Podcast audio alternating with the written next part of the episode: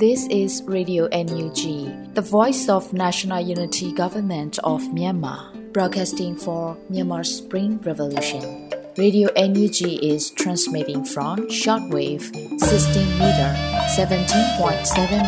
MHz at 8:30 a.m. and 25 meter 11.94 MHz at 8:30 p.m. Myanmar Standard Time.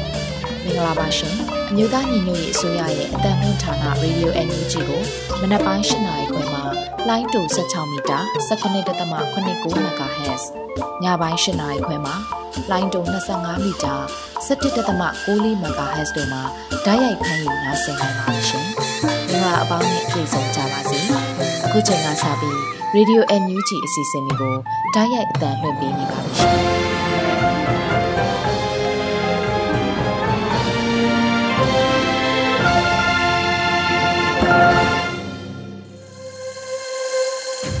န်မာနိုင်ငံသူနိုင်ငံသားအပေါင်းတဘာဝပေးစစ်အာဏာရှင်မေးတို့ကနေကင်းဝေးပြီးကိုစိတ်နှပါကြားမလုံးခြုံပေးကင်းကြပါစေလို့ Radio UNG ဖွဲ့သားများကဆုတောင်းမေတ္တာပို့သလိုက်ပါရရှင်။အခုချိန်ကစပြီး Radio UNG ရဲ့ညနေခင်းအစီအစဉ်နောက်ဆုံးရသတင်းချင်းများကိုຫນွေဦးမွန်ကဖတ်ကြားတင်ဆက်ပေးပါမယ်ရှင်။မင်္ဂလာပါရှင်နောက်ဆုံးရသတင်းများကိုတင်ဆက်ပေးသွားမှာဖြစ်ပါတယ်အခုတင်ဆက်မဲ့သတင်းတွေကိုတော့ Radio NUG သတင်းတာဝန်ခံတွေနဲ့ခိုင်လုံတဲ့မိဖက်သတင်းရင်းမြစ်တွေထံမှအခြေခံတင်ပြထားတာဖြစ်ပါတယ်။ကျွန်မຫນွေဦးမော်ပါ။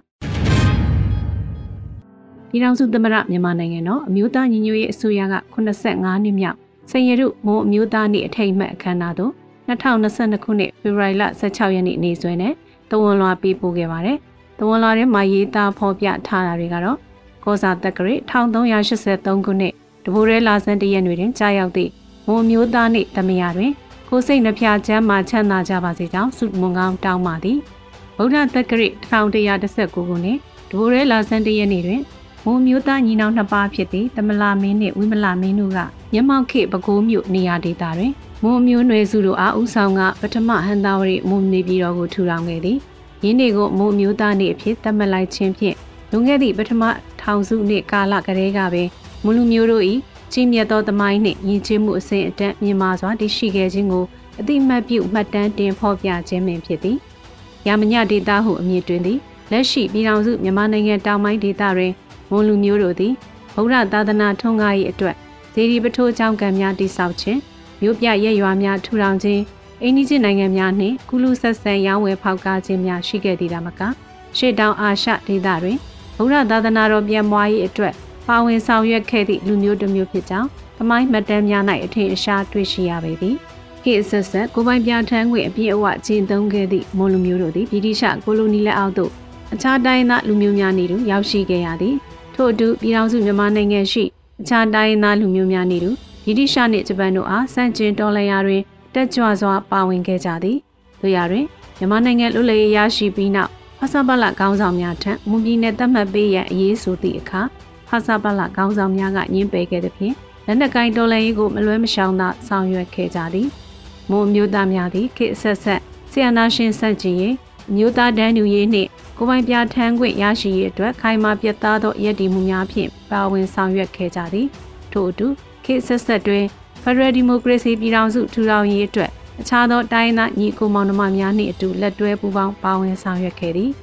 ယခုအချိန်သည်အကြမ်းဖက်စစ်အာဏာရှင်က နိုင်ငံတော်အာဏာကိုလူယူသိမ်းပိုက်ခဲ့ပြီးနိုင်ငံသူနိုင်ငံသားများအပေါ်ကြမ်းဖက်နှိမ်နင်းခြင်းများကိုနေ့စဉ်ရက်ဆက်ကျူးလွန်နေသောကြောင့်ပြည်သူတရလုံးကရရနီးလဲများဖြင့်ခုခံတွန်းလှန်နေကြရခြင်းဖြစ်သည်ထိုကဲ့သို့သောအချိန်အခါတွင်မွန်မျိုးသားနိုင်ငံရေးအင်အားစုများသည်ခြားသောတိုင်းသားပြည်သူများနှင့်အတူတစိမ့်တဝမ်းနှင့်ဖြင့်ဆီယနာရှင်စနစ်အောက်မှပြည်သူဘဝလွတ်မြောက်ရေးဒီမိုကရေစီနှင့်လူအခွင့်အရေးဒန်းနူညီမျှရရှိရေးနှင့်ဖက်ဒရယ်ဒီမိုကရေစီပြည်ထောင်စုတည်ဆောက်ရေးဟူသည့် နိုင်ငံရေးဥတီချက်များဖြင့်ဆီယနာရှင်စနစ်စန့်ကျင်ရေးပြည်သူ့ဘဝလွတ်မြောက်ရေးအတွက်စူးစီးလက်တွဲပြီးဆောင်ရွက်လျက်ရှိသည်ကိုတွေ့ရပါသည်။ယနေ့ကြာရောက်သည့်မွန်အမျိုးသားနေ့တွင်ဆီယနာရှင်စနစ်စန့်ကျင်ရေးစစ်မှန်သော Federal Democracy ပြည်ထောင်စုတည်ဆောက်နိုင်ရေးအတွက်နှစ်ပေါင်း80ကျော်အသက်သွေးချွေးပေးအပ်ပြီးတိုက်ပွဲဝင်ခဲ့ကြသည့်မွန်လူမျိုးတို့အားဥညွတ်ဂုဏ်ပြုပါကြောင်းနှင့်နွေဒေါ်လာရေးတွင် Federal Democracy ရရှိရေးအတွက်တိုက်ပွဲဝင်ခဲ့ကြသည့်မွန်ပြည်သူများမွန်လူငယ်များ မွန်အမျိုးသမီးများမွန်ကျောင်းသားများအားအထူးပင်ဥညွတ်ဂုံပြူကြောင့်ဖော်ပြရင်းဤတဝန်လွာကိုပေးပို့အပ်ပါသည်မြို့သားညီညွတ်ရေးအစိုးရဟူ၍ပါရှိပါတယ်ရှင်။ NUG ဝန်ကြီးဒေါက်တာဇော်ဝေဆိုကိုပြည်내ပါလီမန်ဆွေးနွေးပွဲတစ်ခုမှာလူကိုယ်တိုင်တက်ရောက်တဲ့ဓာတ်ပုံမှတ်တမ်းတွေ့ကြရတယ်ဆိုတဲ့သတင်းကိုတင်ဆက်ပေးပါမယ်။မြမအရေးတွေ့ဆုံပွဲများတွင် online Zoom ဖြင့်သာတွေ့ဆုံကြရလိမ့်ရှိသည် CDM ကောင်းဆောင် NUG ဝန်ကြီး ဒေါက်တာဦးဇော်ဝေဆိုကိုပြည်ထောင်နိုင်ငံပါလီမန်အဆောက်အုံတွင်လူကိုယ်တိုင်တက်ရောက်သည့်တပ်ပုံကို Facebook ပေါ်မှာမြင်ကြရပါတယ်။ဆိုပါတွစ်ဆုံပွဲတက်ရောက်တဲ့ပြည်ထောင်အထက်လွှတ်တော်အမျိုးသမီးအမတ်တဦးရဲ့ Facebook မှာတင်ထားတာပါ။ဆိုပါတွစ်ဆုံပွဲနဲ့ပတ်သက်ပြီးသတင်းအပြည့်အစုံမသိရသေးပေမဲ့မြန်မာပြည်ရေးကိုပြည်ထောင်အစိုးရကထိထိရောက်ရောက်ဆောင်ရွက်ဖို့လိုနေပြီလို့ဆိုပါအမျိုးသမီးအမတ်ကမှတ်ချက်ရေးထားပါတယ်။ online အစိုးရလို့စစ်ကောင်စီကရှုံချတဲ့သဘောဝေဖန်ခံရပေမဲ့နိုင်ငံတကာစာမျက်နှာမှာ NUG ဝင်ကြီးတွေကိုယ်တိုင် မီဒီယာများနိုင်ငံရေးကောင်းဆောင်များနဲ့တိုက်ရိုက်တွဲဆုံမှုတွေခီးစဉ်တွေနဲ့ခြေလန်းတွေတိုးလာတယ်လို့ဆိုရမှာပါ။ NUG ရဲ့လူအခွင့်အရေးဝင်ကြီးဦးအောင်မျိုးမင်းရဲ့နိုင်ငံတကာခီးစဉ်များပြီးနောက်ဒေါက်တာဇော်ဝေဆိုဟာပြည်ပနိုင်ငံခီးစဉ်များတွင်လူကိုယ်တိုင်တက်ရောက်တွေ့ဆုံတာမျက်နာတိုက်ရိုက်ထုတ်ဖော်ပြသတဲ့ဒုတိယမြောက် NUG ဝန်ကြီးဖြစ်လာတယ်လို့ဆိုနိုင်ပါတယ်ရှင်။မြမအကျက်တဲဖြည့်ရှင်းနိုင်မှုရအကြမ်းဖက်မှုရှော့ချရေးဟာအရေးကြီးတဲ့အကြောင်းကို အာဆီယံထူးတန်တမန်နဲ့အာဆီယံအတွင်းမှုချုပ်တို့ဆွေးနွေးထားကြတယ်လို့သိရပါတယ်။ကမ္ဘောဒီးယားနိုင်ငံရဲ့ဒုတိယဝန်ကြီးချုပ်လည်းဖြစ်နိုင်ငံခြားရေးဝန်ကြီးလည်းဖြစ်ပြီးမြမအရေးအာဆီယံအထူးတန်တမန်လည်းဖြစ်တဲ့ Press Con နဲ့အာဆီယံအတွင်းရေးမှူးချုပ်တို့ဖေဖော်ဝါရီ15ရက်နေ့မှာအွန်လိုင်းကနေတွေ့ဆုံစီအဲ့ဒီလိုဆွေးနွေးခဲ့ကြတယ်လို့သိရပါဗျ။မြမအရေးဖြည့်ရှင်းမှုမှာအကြမ်းဖက်မှုလျှော့ချပြီးယုံကြည်မှုတည်ဆောက်နိုင်မှသာသက်ဆိုင်ရာအားလုံးပါဝင်တဲ့ဆွေးနွေးမှုပေါ်လာနိုင်မှာကိုဆွေးနွေးခဲ့တယ်လို့လည်းသိရပါဗျ။ ရန်ကုန်ခြေဆိုင်နိုင်ငံရေးသုံးသက်သူတို့ကအကြမ်းဖက်မှုကိုလျှော့ချလို့ရင်နံပါတ်1လုပ်ရမှာကအခုလက်တလောစကိုင်းတိုင်းအတွင်းမင်းအောင်လိုင်းတက်တွေထင်ရဆိုင်နေတဲ့ရွာထဲဝင်လူရွာကိုမိရှုတွေ့တဲ့လူဖန်တပ်ဖြတ်နေတာတွေကိုအဲ့ဒါတွေဟာအကြမ်းဖက်မှုတွေဖြစ်တယ်အဲ့ဒါတွေကိုမလုပ်ဖို့မြစ်တာရက်ခံပါတယ်ဆိုတာမျိုးလောက်အာဆီယံအနေနဲ့အရင်စပြောရဲဖို့လိုမယ်လို့ဆိုပါတယ်အကြမ်းဖက်စစ်တပ်ကခြေရွာကိုခြေရွာမှန်တီးရဲနဲ့လေရင်ပုံကျဲတာတွေဒီဇင်ဘာ24ရက်နေ့ဖရူဆိုမြို့နယ်အတွင်းရဲသားတွေကို စုလိုက်အပြုံလိုက်တပ်ဖြတ်မှုမျိုးဟာအာဆီယံမူ9ရက်ကိုပြောင်ပြောင်တင်းတင်းချိုးဖောက်နေခြင်းဖြစ်ပြီးအဲ့လိုလုပ်ရက်တွေပေါ်အာဆီယံအနေနဲ့မသိချင်းအောင်ဆောင်ခဲ့ခြင်းဟာအကြမ်းဖက်မှုတွေလျှော့ချရေးအတွက်ပေါ်ဆောင်ရခက်ခဲလိမ့်မယ်လို့သူကဆက်ပြောပါတယ်။အာဆီယံအထူးတန်ကသူ့ရဲ့မြမပထမဆုံးခီးစဉ်မှာဦးစားပေးလှုံ့ဆော်မဲ့ကိစ္စတွေကိုဆွေးနွေးထားသလိုအာဆီယံအတွင်းမှုချုပ်ကလည်းအထူးတန်ရဲ့ခီးစဉ်အတွက်လိုအပ်တဲ့အကူအညီပေးဖို့အသင့်ရှိတဲ့အကြောင်းဆွေးနွေးခဲ့တယ်လို့ဆိုပါတယ်။ အာဆီယံအလှည့်ကျဥက္ကဋ္ဌဖြစ်တဲ့ကမ္ဘောဒီးယားနိုင်ငံဟာဒီနှစ်ရဲ့ပထမဆုံးအာဆီယံနိုင်ငံသားရေးဝန်ကြီးအစည်းအဝေးကိုကမ္ဘောဒီးယားနိုင်ငံမြို့တော်ဖနွမ်းပင်မှာဖေဖော်ဝါရီလ15ရက်နေ့ကနေ19ရက်ထိကျင်းပနေပါတယ်ရှင်။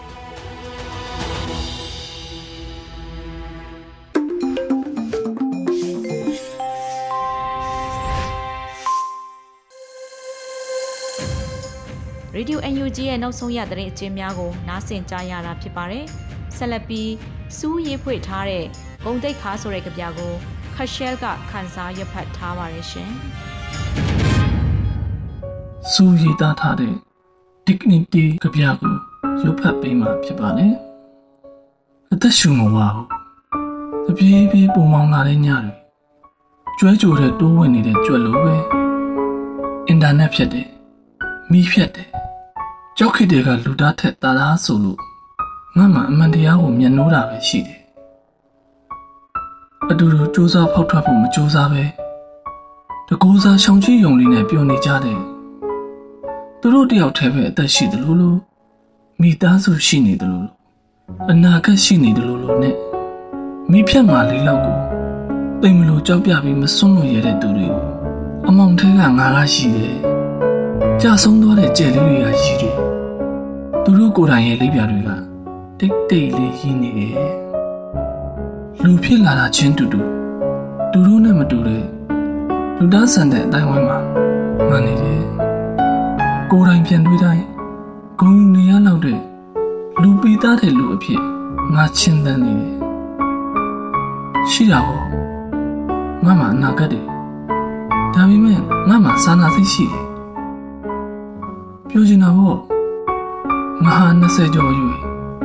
ဒါပေမဲ့ကလေးရဲ့မျက်ဝန်းမှာအပြိုတွေရှိစေခြင်းနဲ့အမောင်ခင်မှနေခဲ့ရတဲ့လူကြီးတွေကိုပြန်ပြီးရှင်းတန်းခြင်းကိုသိစေခြင်းနဲ့လွတ်မြောက်သွားလို့ရတာပေါ့ငငါမှတောင်းပန်နေရှိတယ်လွမြောက်သူတွေကိုအားကြပြီးကြည်နေုံပဲရှိတယ်ညှိုးငယ်နေတဲ့မျက်ဝန်းတွေကိုငါဘယ်လိုထားခဲ့မလဲတဘဝကိုတခဏပဲရှင်သန်ရတဲ့အခါပျော်ရွှင်မှုထက်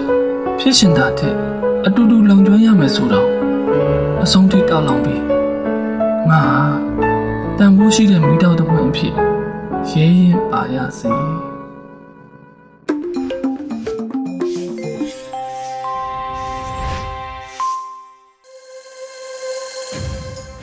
ယခုဆက်လက်ပြီးဥရောပကစစ်ရိတ်စစ်ရောင်နဲ့မျက်မှအရေးအမီရမိုးမခဆောင်းပါးကိုရန်နိုင်ကဖတ်ကြားပါမယ်ရှင်။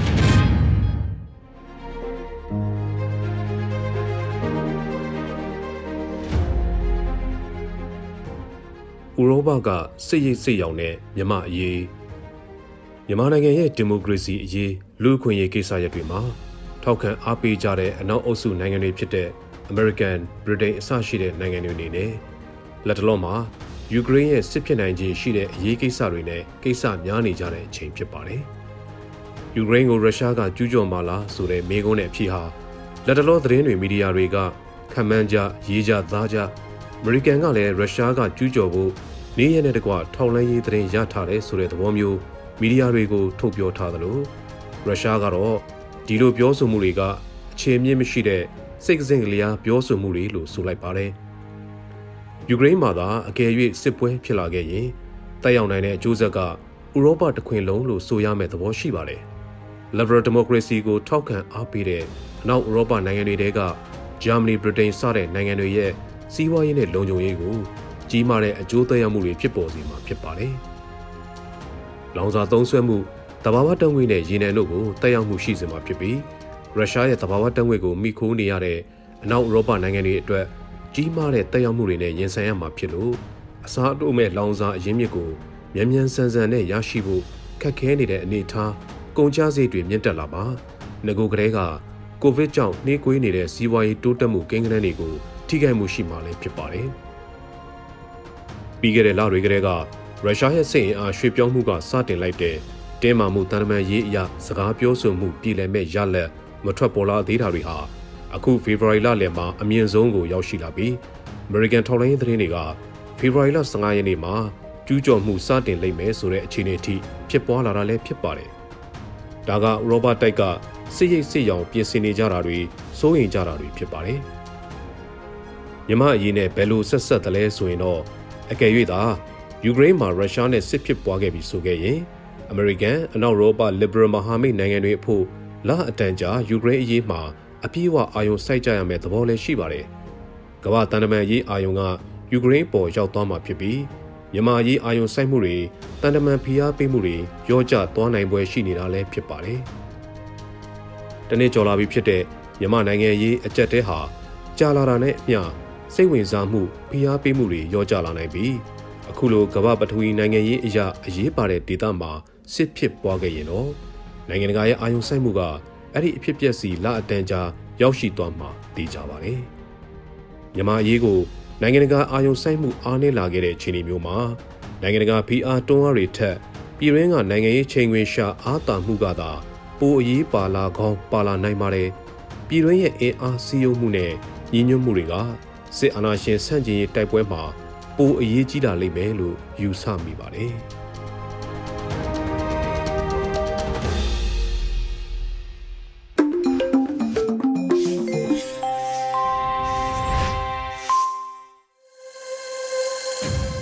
ဆက်လက်ပြီး Radio UNG ရဲ့တော်လှန်ရေးတေးဂီတအစီအစဉ်ကနေထူးကျော်လွန်ကိုရိုင်းရေးဆက်တီးဆိုထားတဲ့ဘာမချီအာဇာနီဆိုတဲ့တခြင်းနားဆင်ရပါမယ်ရှင်။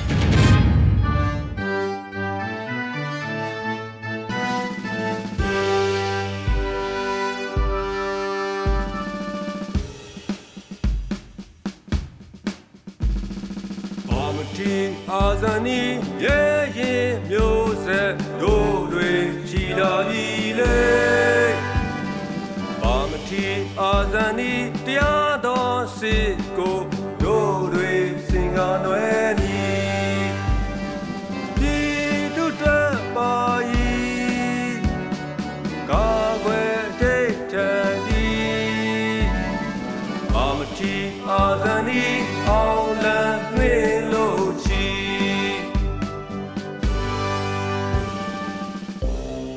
ငါတို့တိုင်းပြေ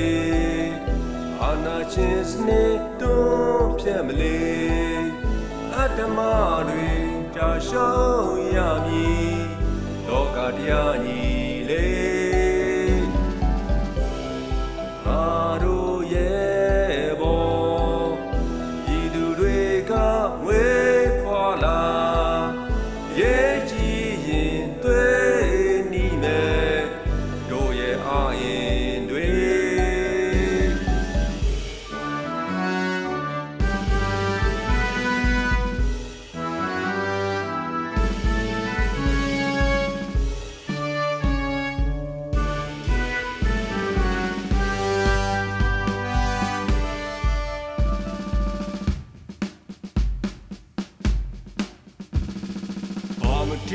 အာဇာနီရဲ့ရင်မျိုးဆက်တို့တွေချီလာပြီလေအာမတီအာဇာနီတရားတော်စစ်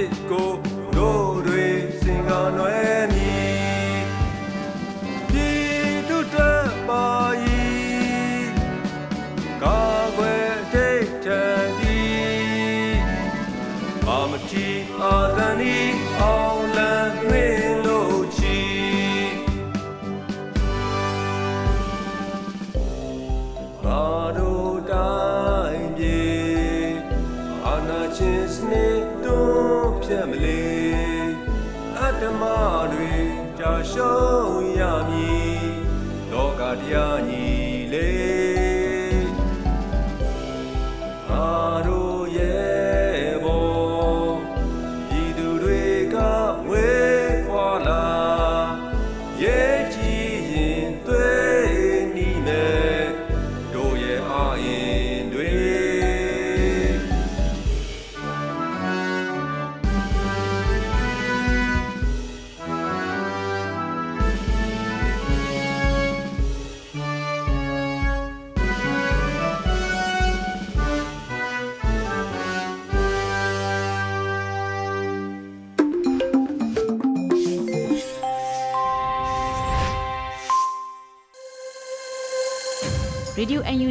ဆက်လက်တန်လှည့်နေပါတယ်။ဆက်လက်ပြီးမောင်တူးရေးဖွဲ့ထားတဲ့ຫນွေဦးတော်လိုင်းရဲ့ကြပြတင်မြအကြောင်းကိုຫນွေဦးမှုရွတ်ဖတ်ထားပါတယ်ရှင်။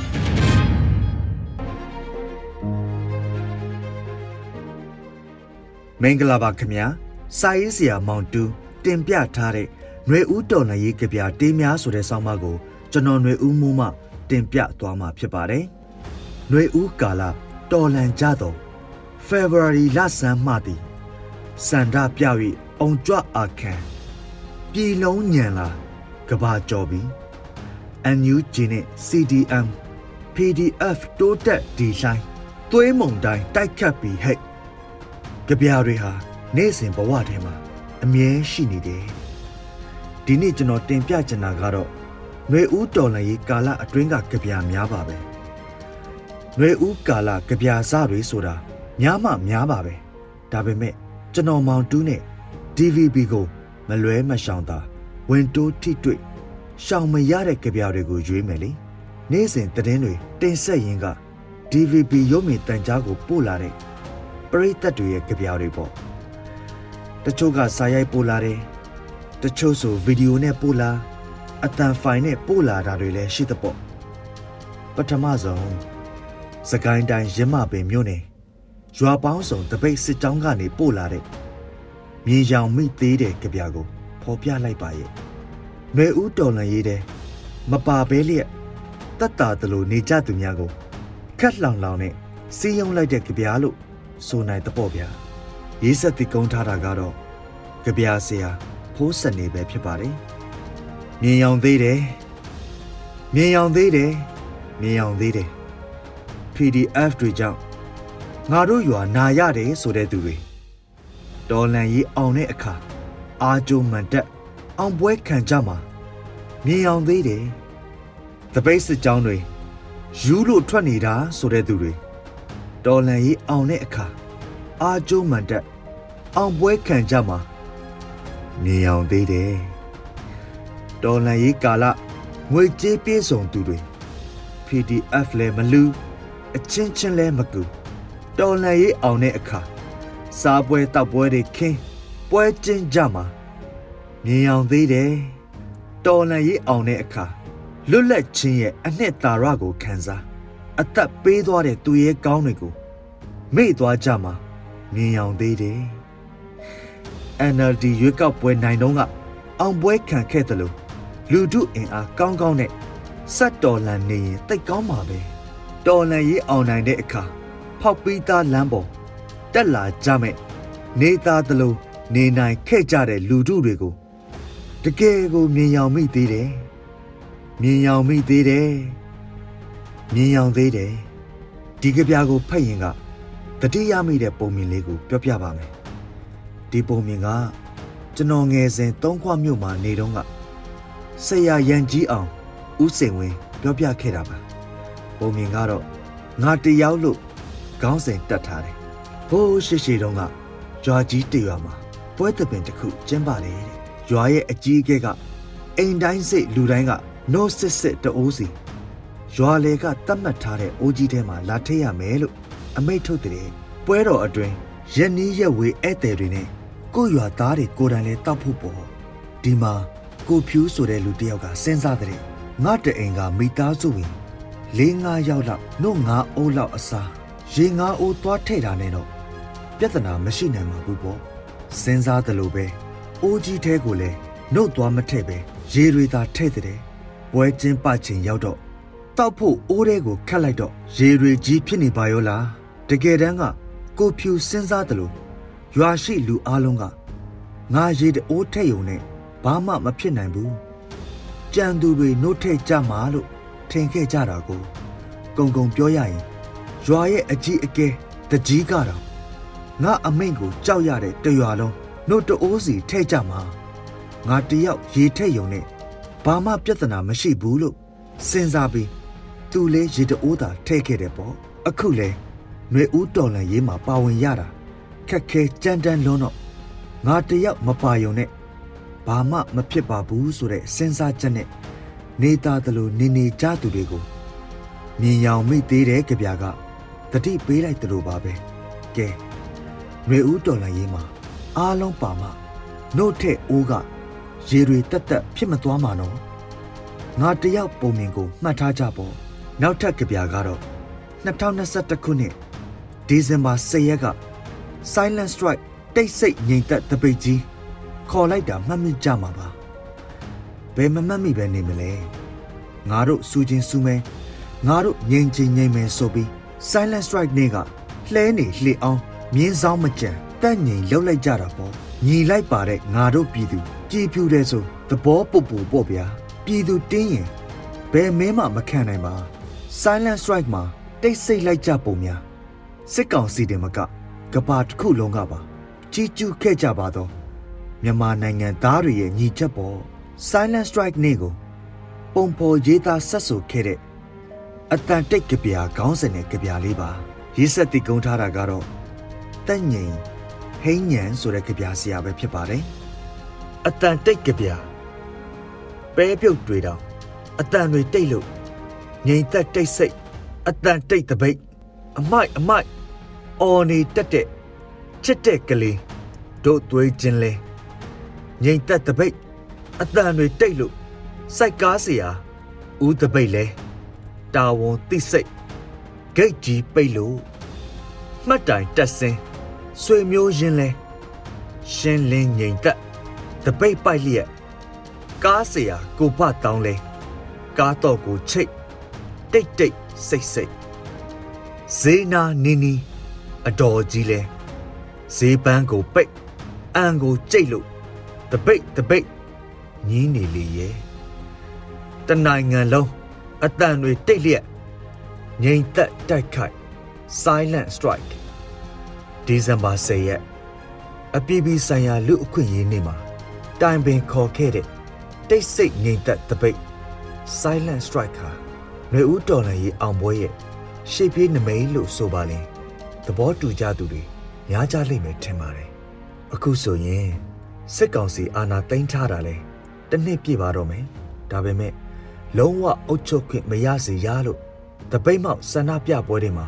ကြွေးကြော်ခဲ့ကြသလိုအုတ်ချုပ်ခွင့်မရသေးပါဘူးလျှက်စစ်မီတာခတွေတောင်တနက်နဲ့ချိန်ပြီးတောင်းနေရတဲ့အခြေအနေပါရန်ကုန်မန္တလေးဖားကတ်ရွှေဘိုရင်းမာပင်စာလင်ကြီးကလေးမြိုင်နဲ့ကိုရီးယားဂျပန်စသည်ဖြင့်မြို့နယ်ပေါင်း20အစိတ်လောက်မှာ နေ့စဉ်တပိတ်စစ်ကြောင်းတွေရှိနေသေးပါတပိတ်တိုက်ပွဲများပေါ့ပြည်သူကာကွယ်ရေးတပ် PDF တွေကချင်ကရင်ချင်းကယာကရင်နီစတဲ့တိုင်းရင်းသားတပ်တွေကလည်းစစ်ကောင်စီကိုအရှိန်မြင့်ခုခံတိုက်ခိုက်နေသေးပါပဲလက်နက်ကင်တိုက်ပွဲပေါ့ဒါအပြင်အန်ယူဂျီအစိုးရနဲ့မဟာမိတ်အင်အားစုတွေကလည်းနိုင်ငံတကာစာမျက်နှာမှာ တိုက်ပွဲဝင်နေသေးပါအောင်မြင်မှုတွေလည်းရနေသေးပါတန်တမတ်ရေးတိုက်ပွဲတည်င်းသမားတွေစာပေအမှုပညာသမားတွေကိုဖမ်းနေတက်နေတဲ့ကြားကတည်င်းလက်နက်စာပေအမှုပညာလက်နက်တွေနဲ့လည်းတိုက်နေကြသေးပါဒီထဲမှာကြပြာတွေရေးသားကြသူတွေလည်းပါဝင်ပါတယ်တိုက်ပွဲတွေအတွင်းကြဆုံးခဲ့ရတဲ့ကြပြာဆရာတွေလည်းရှိခဲ့ပါတယ်ဖမ်းဆီးခံနေရတဲ့ကြပြာဆရာတွေ ပုံးနေရတဲ့ကြပြာဆရာတွေပြပရောက်ကြပြာဆရာတွေလည်းရှိခဲ့ပါတယ်ဟုတ်ပါတယ်ဒီလိုအခြေအနေမှာຫນွေဦးတော်လည်းကြပြာလေးတွေထဲကမှ DVB ကိုပို့လာတဲ့ကြပြာတွေကိုကျွန်တော်တို့ခန်းစားနားလည်မိသလိုပြန်လည်ဖော်ပြလိုက်တာပါ။နောင်လဲအလင်းတင့်တယ်လို့ဖော်ပြ